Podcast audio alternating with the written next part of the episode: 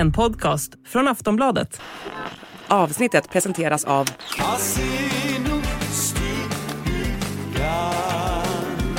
Stödlinjen.se, åldersgräns 18 år. Nu vet vi hur mycket pengar kungen får i apanage nästa år. Regeringen har precis presenterat sin budget. Och vad använder kungen pengarna till egentligen? Det ska vi berätta. Vi ska även prata om hur kungen är som pappa och varför han inte bäddar sängen eller plockar av bordet efter sig. Och så slår vi fast att Harry och Meghan har gjort ett mycket smart PR-trick för att slå hål på skilsmässoryktena. Det här är Kungligt. Jag heter Sara Eriksson. Och jag heter Jenny Alexandersson.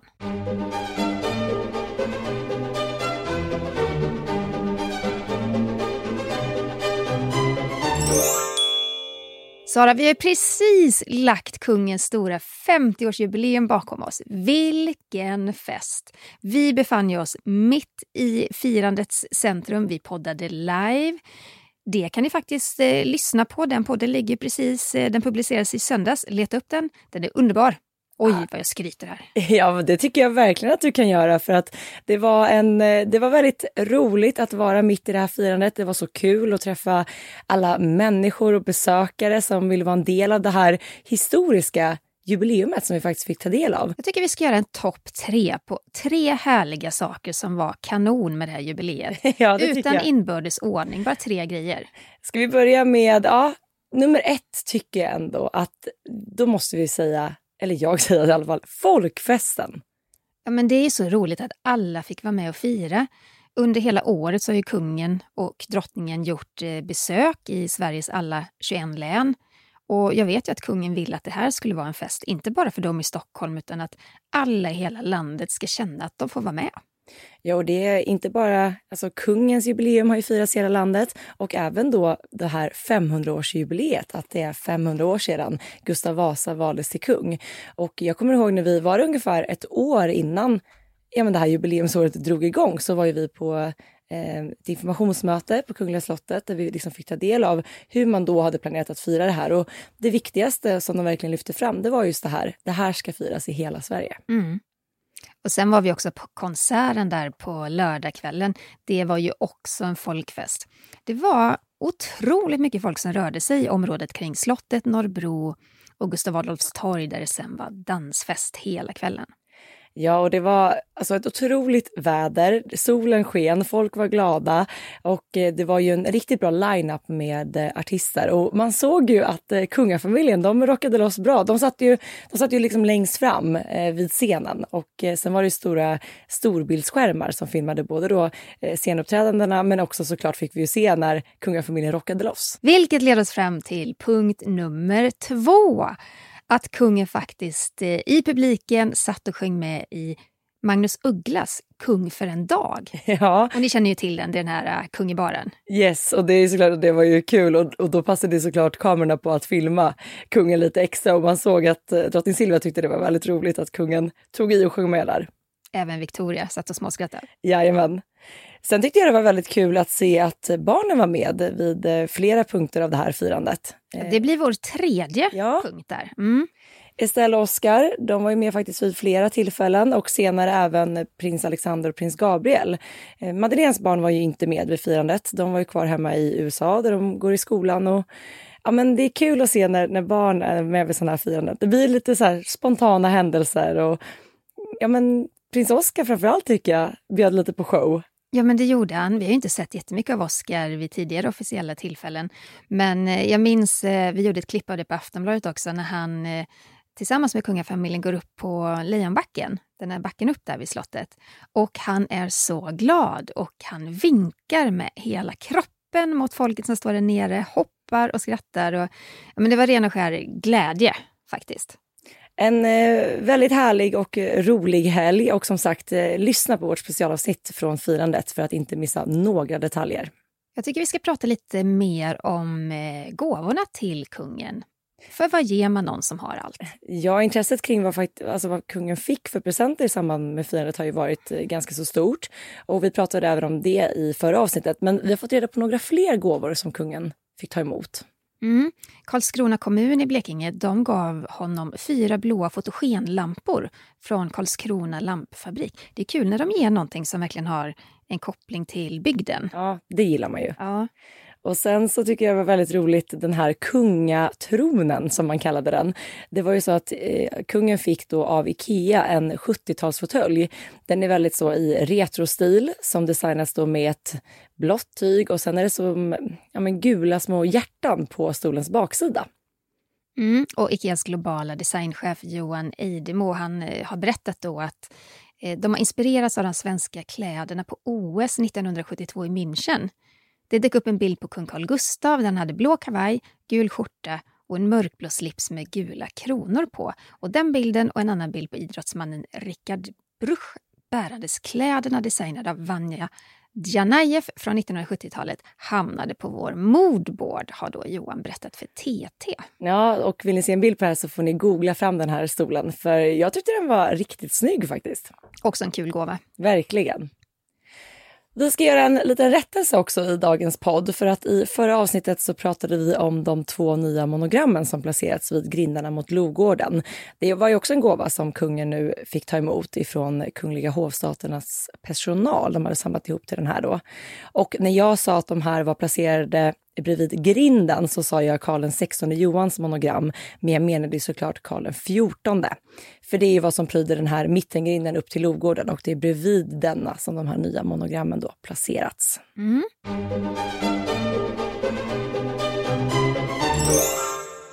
Nu ska vi prata om apanaget, denna ständiga fråga som, ja men kanske är det där den största kritiken mot eh, kungahuset ofta har sitt ursprung.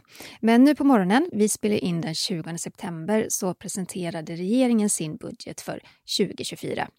Och I den budgeten så ingår även då det statliga anslaget till kungahuset. Och Det visar sig att kungahuset kommer få 162,8 miljoner kronor till sin verksamhet. Och ska man sätta in det i ett sammanhang, och nu får ni hänga med här för det är mycket siffror. Men 2022, då fick kungen 149 miljoner i apanage.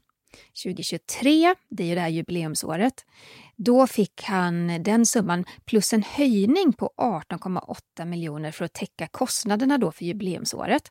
Så sammanlagt 2023 så fick han, eller han, kungahuset fick 167,9 miljoner. Och jag, när jag satt och läste i budgeten och gick igenom alla siffrorna, så bara en spontan reaktion här, för det, jag tycker att det verkar som att kungen får behålla en stor del av den där höjningen även i år. För ja, nästa år då. För 2024 så kommer kungahuset få 162,8 miljoner. Och man planerar faktiskt för ytterligare höjningar. 2025 169,4 miljoner. 2026 173,8 miljoner. Och eh, jag pratade också med mina kollegor ute på redaktionen och alla sa detsamma att ja, de här 18,8 extra han fick då 2023 det är, inte, det är inte så att de försvinner på ett bräde. Men sen är det också så här, de här pengarna ska ju täcka löneökningar och personal på alla sätt och vis. Det är klart att kungahuset också måste få räkna upp då deras löner. Och sen också går ju mycket pengar till, eh, till säkerhetskostnaden också. Och eh, det statliga anslaget från regeringen fördelas så här. Ungefär hälften av summan går till slottsstaten som då tar hand om de elva kungliga slotten. Och den andra hälften går till hovstaten som finansierar kungafamiljens kostnader för då representation. Och i den summan så ingår också då personalkostnader. Och förra året så gjorde man ju någonting annorlunda sa du? Ja, det var ju faktiskt första gången som kungahuset redovisade pengarna lite mer noggrant. Och man kunde då se mer i detalj hur kungen då ja, men väljer att fördela pengarna i familjen och hur pengarna faktiskt används. Man använder så kallade rambelopp då för den här redovisningen. Och det är alltså inte några detaljer kring exakt vad som går till, till vad eller hur mycket. Men det är för att man ska få lite mer tydlighet i hur mycket pengar familjemedlemmarna får. Och då kunde man ju se att eh, kungaparet får tilldelat till sig då 8 miljoner kronor, kronprinsessparet 4,5 miljon och Carl Philip och Sofia 1,1 miljon. Prinsessa Madeleine stod inte med på den här listan. Hon får ju inte då något fast rambelopp eftersom hon bor utomlands.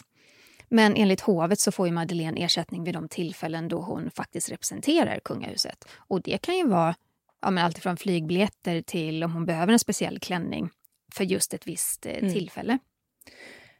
Och vad ingår i de olika familjemedlemmarnas rambelopp? Det är ju en del av deras boendekostnader då, på deras privata boenden som i det här fallet då är slott. Det är vissa transportkostnader, säkerhetskostnader och ja, men som du var inne på Jenny, även då kläder för eh, offentlig representation. Och vi var ju på ett pressmöte eh, där vi fick höra hur man resonerar kring de här pengarna och ekonomin. Och då fick vi veta att en mycket vanlig fråga som hovet får det är om skattepengarna går till prinsessorna och drottningens klänningar. Och svaret på den frågan är ja, det gör det. Och Jan Lindman då, som är överintendent på Riksmarskalksämbetet, han förklarade då att den kungliga familjen kan inte vara beroende av företag eller andra instanser som då sponsrar deras representationskläder utan det är någonting som staten behöver stå för för att kungafamiljen ska vara oberoende helt enkelt. Det är alltid spännande det här med, med pengar och kungahuset och det är ju en fråga som vi väldigt ofta får. Ja, och det, jag vet att det kommer komma frågor nu också. 162,8 miljoner då för eh, 2024. Det är en del, eh, ett, ja, halva gänget som mejlar mig kommer säga att det är alldeles för mycket pengar. Halva gänget kommer tycka att oj, oj, oj, hur ska de klara sin verksamhet med detta? Det är alltid delade ja. meningar om detta. Det är det.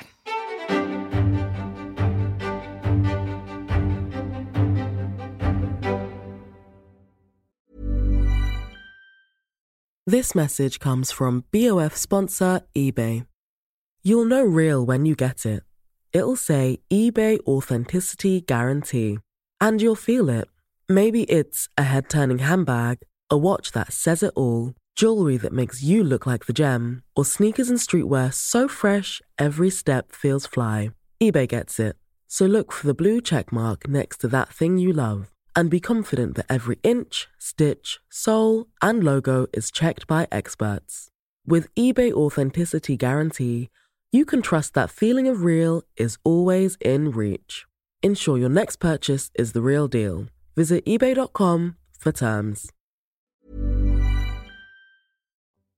I söndag så kunde man se det sista avsnittet av SVTs dokumentär Kungen och jag. Och eh, det är då Karin af Klintberg som gjort den här serien som även har sänts som eh, biofilm. Och eh, det låg fokus mycket då på familjen och det verkar inte alltid vara så himla lätt det här med att kombinera då jobbet som kungen med att vara pappa. Jag tycker vi lyssnar lite på vad kungen själv berättar om det här. Eh, man säger alltid att man skulle vilja att vara mer, ha mer tid tillsammans med barnen och engagera sig lite mer. Nu hade vi ju så pass lyckligt lottade så vi hade ju hjälp. Så, så på så sätt blev det ju att man kanske tog ut svängarna lite onödigt mycket. Att vi hade ju barnflickor som...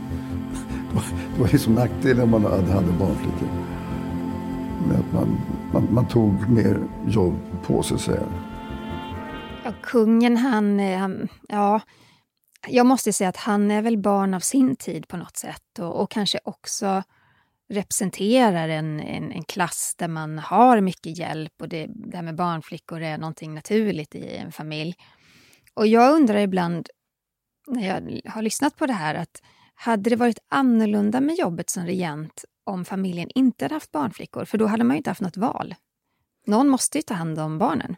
Ja, särskilt då med tanke på hur, hur mycket kungen själv liksom har jobbat och varit bortrest. Så att, nej, det hade ju nästan till varit omöjligt om man då inte hade haft hjälp hemma. Mm. Att, att ta hand om barnen och hela familjeverksamheten som det är att ha barn. Och kungen är ju själv så van vid det här med barnflickor. Han, eh, han hade ju själv en barnsköterska, Ingrid Nenne Björnberg, som var som han själv berättar, mer som en, en extra förälder, en extra mamma till honom. Hon fanns ju där. Det var hon som tröstade och plåstrade om och nattade och gav frukost och sådär. Och hon fanns ju också där i hela deras liv. Så att hon hela blev ju verkligen deras eh, allra närmsta person. Ja, så för honom och för kungafamiljen är ju inte det här någonting, eh, det är ingen, det är ingen konstig situation att, att en pappa kanske kan vara mer frånvarande på något vis. Men jag tänker också att det kanske är just det här och det kungen berättar eh, som gör att han är väldigt mån om att till exempel då kronprinsessan Victoria ska få mer tid med sin familj och sina barn innan hon tar ett, ett ännu större ansvar och en ännu större plats i, i kungafamiljen och kungahuset. Jag menar, vår kung var 27 år när han blev kung. Han hade inte möjlighet till någonting annat. Men kronprinsessan Victoria då, hon hon kan liksom vara kvar i rollen som kronprinsessa och ändå hinna, hinna med det där med familjelivet på ett annat sätt än vad kungen gjorde. Mm. Men man har alltid undrat vad som försiggår på slottet, speciellt när barnen är små. Är det också smuligt och kladdigt på köksbordet? Och är det dräller runt leksaker överallt? Men jag tycker vi lyssnar på ett annat klipp där kungen berättar om eh, hur det var när barnen var små. Småbarnsåren här på slottet var det ändå så här, nu ställer vi klockan på sju och så ska vi få iväg barnen till dagis. Ja, precis. Ja. Och sen kom barnen hem och då då är det det som, som heter hell hour, det är när alla barnen är trötta och ledsna Ja, ja, och man mm. snabbt ska få mat. Ja, mm, jag vet inte. Hur, hur Jag hanterade vet inte kungen? om jag var så bra på det. det, det då skyller jag väl på, skyll, skyller jag på att jag skulle ut och motionera så att eh, jag jag försvann väl ut och sprang. Om man tänker tillbaka förstår jag liksom inte hur, hur det där gick riktigt. Men, eh, ja. Har kungen någon dåligt samvete gentemot barnen? Nej, egent- egentligen inte. Det kommer inte barnen att gilla när jag säger det. Men eh, nej, de, de känner mig så väl så de vet precis vad jag tycker och tänker. Det är ändå härligt att höra tycker jag att eh, och visst satte man klockan och man skulle få iväg barnet till dagis och så vidare. Eh, men där kanske likheterna med en vanlig familj eh, slutar lite grann. Eh, och det handlar ju väldigt mycket om hur kungen var som pappa när de var små. Det är klart att det är lätt att bli upprörd när kungen liksom lämpade över ansvaret på drottningen och på barnflickorna. Men han var ju småbarnspappa på 80-talet och själv dessutom då uppväxt med barnflickor och i överklassen. Så det finns, man får liksom ha den bilden i bakhuvudet när man tittar på kungen och hans situation och, och hela den kulturen. Men jag tycker att det också är så, alltså man, om man lyssnar på det här och tittar på den här dokumentären så kungen är ju väldigt ärlig när han svarar här. För att det är klart att, att det finns en medvetenhet kring vad det här också kan få för motreaktioner och hur, kanske vad man får för bild av kungen när han uttalar sig på det här sättet. Eh, så det är en, en ärlig och filtrerad bild som han delar ändå. Ja, i alla fall hoppas jag att han är medveten om det. Så att det inte är så att det faller honom helt naturligt, att det, men så här, det här är normalt och helt eh, som det ska vara. Det är där i man inte ordning. vet. Nej, det, det är svårt med kungen på det viset. Men eh, det är klart att kungen och drottningen och barnen, de hade ju ett vardagsliv. Och hur såg det ut egentligen? Vi lyssnar. Det är så svårt att föreställa sig hur kungens liv ser ut hemma. Till exempel vad gäller vardagssysslor. Eh, sätter kungen in diskan? Eh, nej, det gör jag faktiskt inte. Städar kungen? Nej, jag kan inte städa. Bäddar kungen sängen? Den, den bäddar sig själv. Vad skönt! Ja, Ja. den har gjort hela mitt liv. Eh, Det är, nej, kungen ställer inte in någon disk. Han städar inte. Han bäddar inte sängen. Jag håller med Karin där. Vad skönt! Ja, det är väldigt skönt att den bäddar sig själv. Ja, underbart. Ja, men däremot så vet vi att på Stenhammars slott så, så är det ju lite mindre personal. Kungen och drottningen vill ha mindre personal där. Eh, hoppas han någon gång har ställt undan en tallrik där i alla fall på diskbänken. Ja, verkligen. Men jag tänker också när, när man hör just de här delarna och absolut en annan generation och allting. Men eh, det är ju inte direkt att han fra, framstår som folklig när man pratar om att man inte bäddar sin egen säng, man plockar inte in diskmaskinen och så vidare, utan det är ju verkligen motsatsen till det. Men det här är ett annat, ett helt annat typ av liv och en helt annan vardag.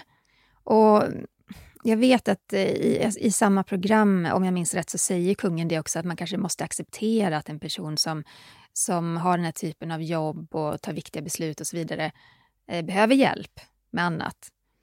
Ja, fast det klart det handlar om personlighet också.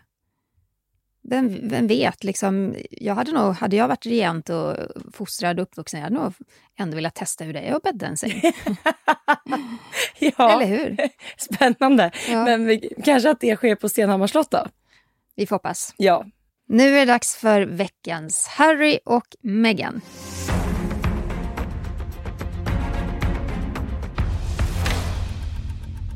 Ja, Harry och Meghan har ju varit i Tyskland tillsammans hela förra veckan för Invictus Games. Och eh, det är ju en internationell multisporttävling för krigsveteraner då, och det var ju prins Harry som grundade detta.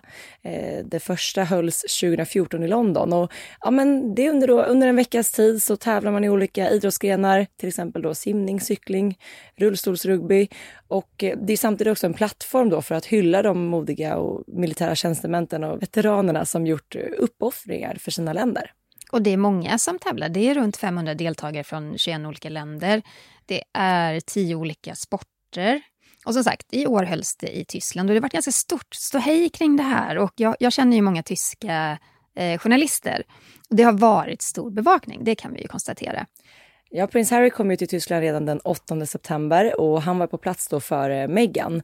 Han, han var ju där för att sparka igång hela det här eh, evenemanget som skulle pågå då en vecka. Och Meghan hon anlände först lagom till den här Family and Friends-festen den 12 september. Det hölls ju ett tal. Det har blivit väldigt kritiserat. Det var ju så att eh, Meghan i det här talet bad om ursäkt för att hon var lite sen till festen. Hon avslöjade att hon behövde se till att hennes barn, prins Archie som är fyra, prinsessan Lilibet som är två, ja, men har det bra där hemma. Ja, och vi kan tyvärr inte klippa in talet för att det är lite för dåligt ljud på det, men det finns eh, på sociala medier. Om ni söker efter det så kommer ni säkert att hitta det. Men hon sa ungefär så här. Jag är ledsen att jag är sen till festen. Jag var tvungen att se till de små där hemma och lämna dem på skolan. Tre milkshakes, skollämningar och jag landade för några timmar sedan. Och Megan tal har ju mötts av en hel del kritik. Det är många som menar då att hon var självupptagen i sitt tal. Just det här med att eh, förlåt, jag är sen till festen.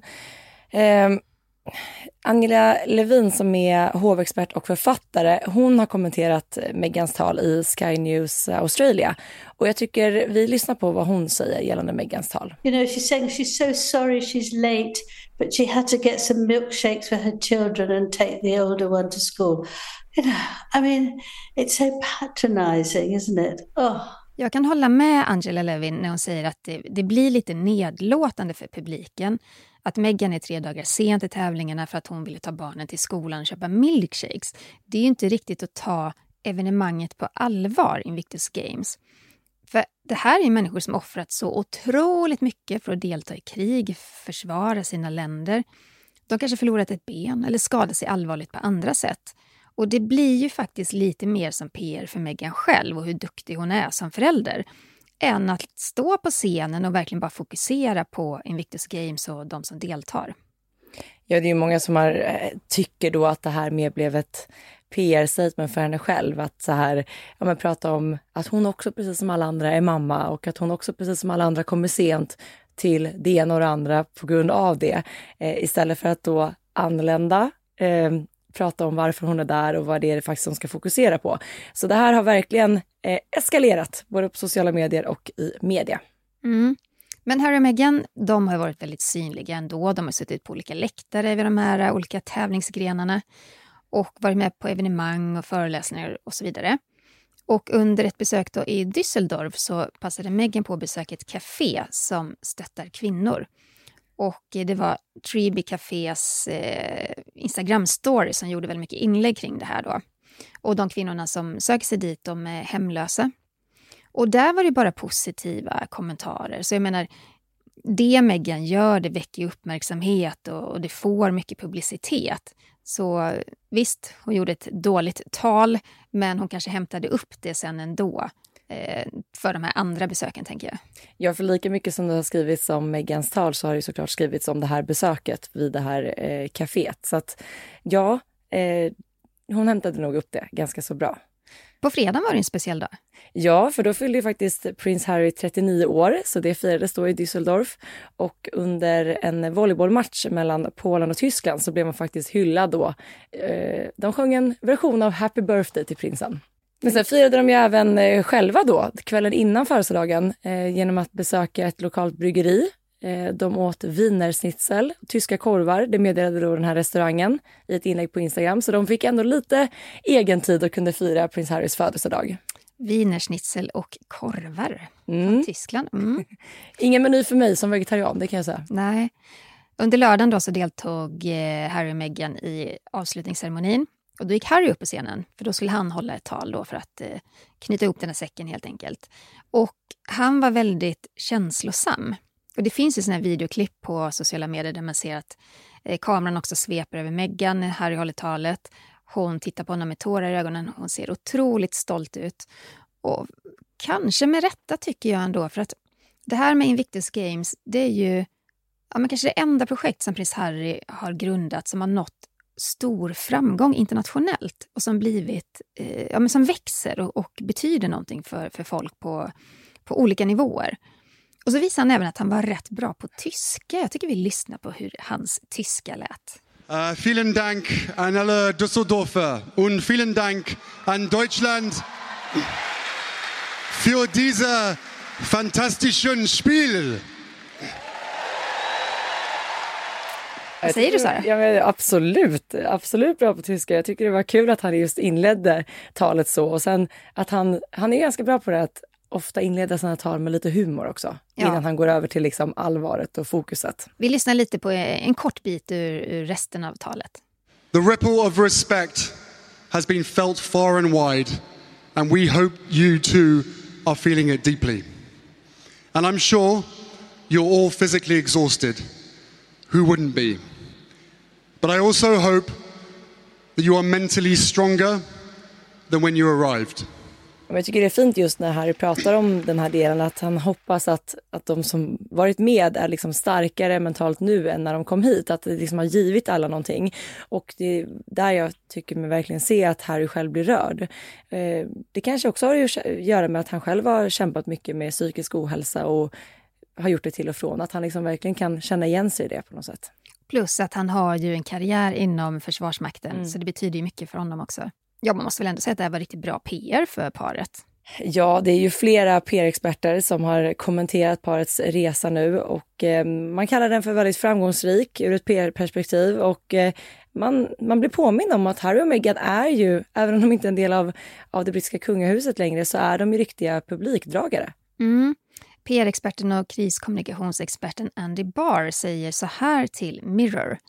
Hertigparets resa har varit positiv i deras nuvarande karriärutveckling som tog en skarp vändning efter avtalet med Spotify avslutades och det skapade en dominoeffekt.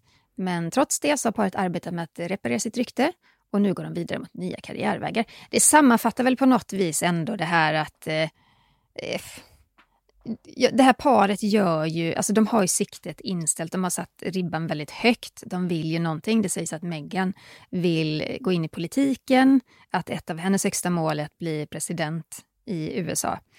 Och även hela influencersvängen. Det har vi pratat om i tidigare avsnitt att det verkar som att eh, Megan är tillbaka till Instagram. Hon har ju anlitat en, eh, en otroligt stark eh, PR-agent nu i, i Los Angeles. Så att hon är ju, det är någonting som är på G och det finns ju såklart en plan framåt för dem. Mm.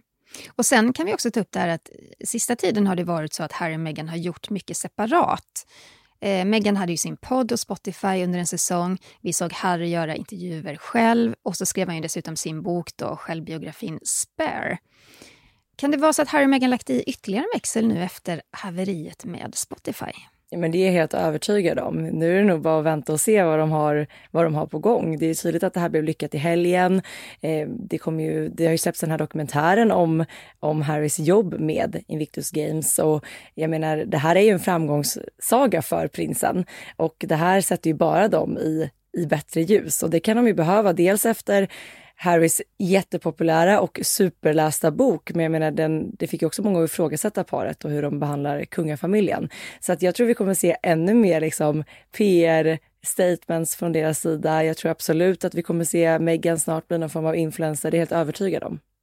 Och på tal om eh, PR och PR-trick, det var ju något som blev väldigt synligt under resan. En jättestor snackis från Harry och Meghans besök är ju vad de valde för kläder. Ja, deras modeval och de här matchande looksen har ju blivit en riktig snackis. Ena dagen så såg vi hur de matchade i helsvart och eh, en annan dag i beige och vitt. Det var verkligen så här, det var outfits där man har synkat, inte en slump. Mm. Och eh, de såg väldigt samordnade ut såklart under de här dagarna och eh, det har ju såklart skapat rubriker. Ja, eh, PR-experten Maja Reyes, hon hon poängterade det här väldigt mycket och menade på att de gjorde precis som många andra framgångsrika kändispar inom underhållningsindustrin och det är ett sätt att profilera sig som par.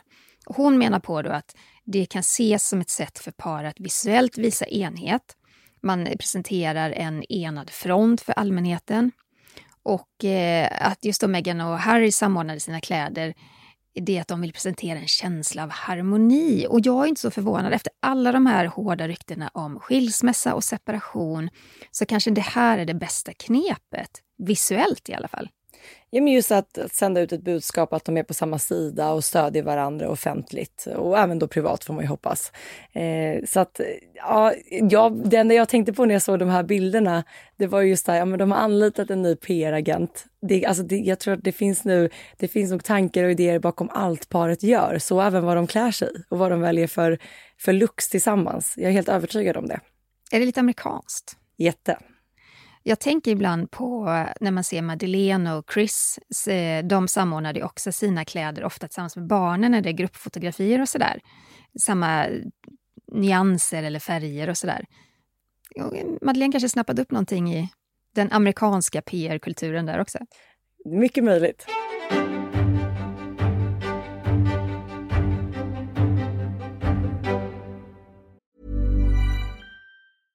This message comes from BOF sponsor eBay. You'll know real when you get it. It'll say eBay Authenticity Guarantee. And you'll feel it. Maybe it's a head turning handbag, a watch that says it all, jewelry that makes you look like the gem, or sneakers and streetwear so fresh every step feels fly. eBay gets it. So look for the blue check mark next to that thing you love and be confident that every inch, stitch, sole, and logo is checked by experts. With eBay Authenticity Guarantee, you can trust that feeling of real is always in reach. Ensure your next purchase is the real deal. Visit eBay.com for terms. Vi måste även prata om säkerheten. Den ja. har ju varit oerhört central för Harry och Meghan sedan de lämnade kungahuset. Eh, Harry har varit jättearg för att han inte längre får ta del av eh, den brittiska säkerhetstjänsten. Han måste ju betala eh, sin egen säkerhet nu själv.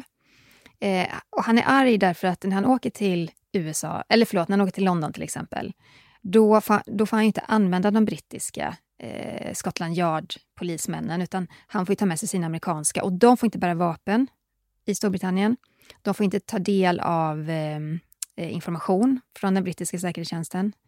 Så han tycker att det är för dålig säkerhet och han har till och med stämt brittiska staten, men fick avslag på det. Ja, det här har ju faktiskt varit en av de mest centrala frågorna för paret sedan de lämnade kungahuset. Och Harry har ju verkligen krigat för att eh, paret och familjen ska kunna ha så bra säkerhet som möjligt. Men nu så har de då anställt eh, en, och det är en person som är van vid just kändisar. Ja, det är Hillary Clintons före detta livvakt. Han är också FBI, har varit FBI-agent, Christopher Keenan. Och han var ju med då, Meghan, när hon reste från LA till Tyskland förra veckan och han fanns ju med vid parets sida under hela resan. Och en källa till The Mirror säger att paret kunde inte ha hittat någon bättre att ansvara för deras säkerhet. Nej, Christopher han är ansluten då till säkerhetsföretaget Torchstone som Harry och Meghan skrivit avtal med. Och eh, alltså han har ju jobbat med livvaktsskydd i över 18 år. Och inte bara med Hillary Clinton utan flera ministrar och VIP-personer. Så att det här är ju någon som, alltså från det översta skiktet av säker, privat säkerhet kan man säga. Han har bland annat tjänstgjort i FBI's Joint Terrorism Task Force. Han har utrett internationella och inrikes terrorhot mot USA. Alltså hans CV här liksom. Ja. Han ansvarade även för säkerheten kring USAs ambassadör vid FN, var inblandad i säkerheten kring USAs ambassad i Bagdad och har lett skyddsoperationer med hög hotnivå i Mellanöstern, Västafrika och palestinska områden. Jag hoppas han får bra betalt. Ja, men det... Har man ett, sånt här CV så är man eh, top of the notch. Verkligen. Och, eh, så det känns som att Harry och Meghan kan känna sig trygga nu med honom vid rodret. Absolut. Det har ju faktiskt tidigare rapporterats i brittisk press om att prins Harry skulle besöka Storbritannien efter sitt besök i Tyskland. Vi har pratat om det här i podden också. Men så verkar det inte bli nu. Många hade hoppats på att kanske se då kung Charles och prins Harry träffas och tala ut om allt som har hänt. Men brittisk press meddelar nu att kung Charles har en fullspäckad agenda och att det inte ser ut att bli något möte mellan far och son. Det här kan vi såklart inte veta helt säkert i och med att här typen, den här typen av möte hade såklart skett privat, det är inget offentligt. Men det är i alla fall så man rapporterar om det här. Ja, och samtidigt som prins Harry och Meghan befunnit sig i Tyskland så har faktiskt prins William varit i USA. Han har varit i New York. Jag tror han befinner sig där fortfarande. Mm, jag tror också det. Eh, han har ju sin Earth Shot, eh, det här priset som, som delas ut och det ska nu delas ut i, i New York. Jag har sett lite bilder ifrån det. Det ser väldigt eh, snyggt och visuellt eh, härligt ut. Men det blir ju också sådär en grej, man, särskilt brittisk press vill ju alltid snappa upp det där att då, ja, då, flytt, eller då flög Meghan Harry till Europa men då flög prins William till USA. Så typiskt dålig timing kanske.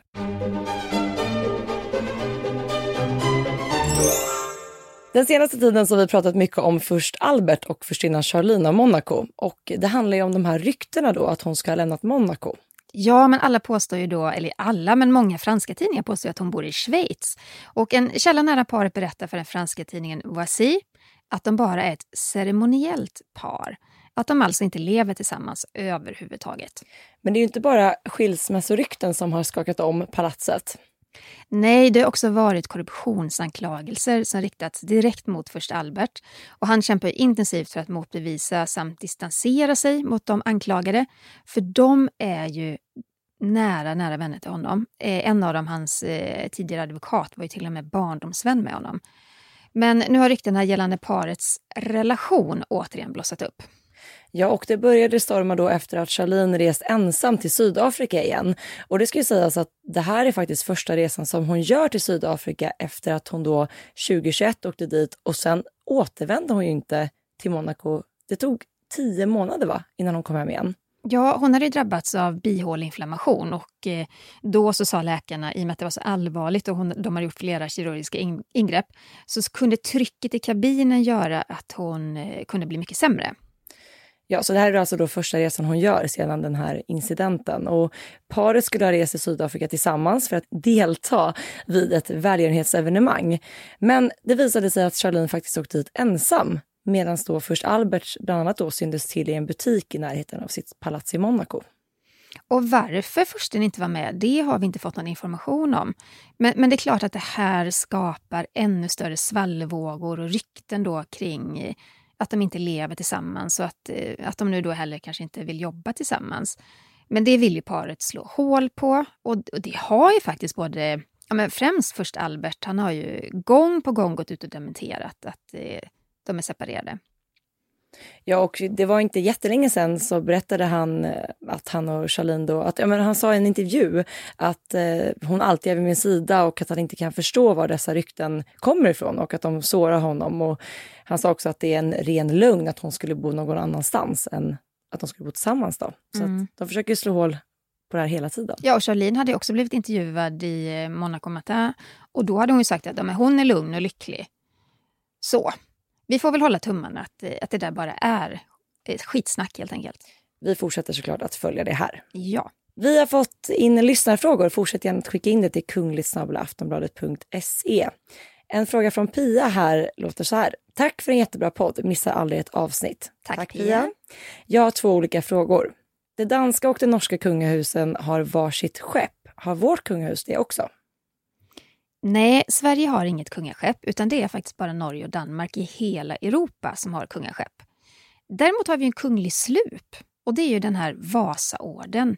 En båt som ros av eh, soldater som används vid stora högtider och bröllop. Och vi såg ju faktiskt den nu vid kungens tronjubileum då kungaparet roddes över från Skeppsholmen till Kungliga slottet efter att de hade åkt eh, kortege med häst och vagn. Den är ju, den är ju betydligt mindre än vad de här, eh, det här norska och danska kungaskeppet är. Det tar betydligt längre tid att ro den också. Det gör det, tar betydligt längre tid att ro, men den är ju otroligt pampig på sitt sätt och så fint utsmyckad. Ja, eh, en kompis och journalistkollega till mig som bor på Södermalm, hon hade tagit en jättefin bild för att den hade forslats på ett lastbilssläp på Söder. Den skulle väl tas från, eh, från Strömmen liksom till något annat ställe helt Den vill man enkelt. inte tappa. Nej, den vill man inte tappa. Men eh, det var kul att se den även på ett flak kan jag säga. Det var lite udda. Det förstår jag. Men det, jag tycker de här, det här norska och, och danska kungaskeppet, de är ju pampiga. Det var häftigt att se dem eh, ligga förtöjda bredvid varandra i helgen under jubileet. De är också väldigt lyxiga och bekväma. När man ser bilder där inifrån. Ser ganska mysigt ut faktiskt. Verkligen. Eh, Den andra frågan som Pia hade, den låter så här. Vår kronprinsessa och även prinsessan Sofia är väldigt bra på återanvändning av kläder. Men hur är det med prinsessa Madeleine? Ja, både kronprinsessan och prinsessa Sofia är ju absolut det. Och jag, jag tänker att det, det vi ser av prinsessa Madeleine i de här offentliga sammanhangen, vilket inte är jätteofta eh, numera, då är det ju oftast nya klänningar eller nya andra typer av looks. Eh, hur hon gör det i privata sammanhang, det är svårt för oss att svara på. Men absolut att, att kronprinsessan är ledstjärnan inom det här. Men eh, det beror ju kanske också på att vi ser dem mycket oftare. Men jag tror också att de är bättre på att återanvända kläder än vad prinsessa Madeleine är. Mm. Du ska få svara på den här frågan också, Sara. Eh, den kommer från Kristina och låter så här. Jag såg att prinsessan Sofia hade nya stenar på sitt diadem under jubileumsmiddagen. Vad var det för stenar? Ja, det, det la jag märke till direkt jag också och jag har inte fått det bekräftat än. Det ser ut att vara citriner eller gula topaser. Men när jag har fått det här bekräftat exakt vad det är för stenar så ska jag såklart meddela det. Spännande. Vill ni ha dagliga nyheter så följ oss på sociala medier. Var finns du, Sara? Man hittar mig på Instagram och lite grann på TikTok under namnet royalistan.se. Och var hittar man dig, Jenny? Främst på Instagram. Kungligt med Jenny heter jag där. Tack snälla för att ni har lyssnat. Vi hörs igen nästa vecka. Hej då! Hej då!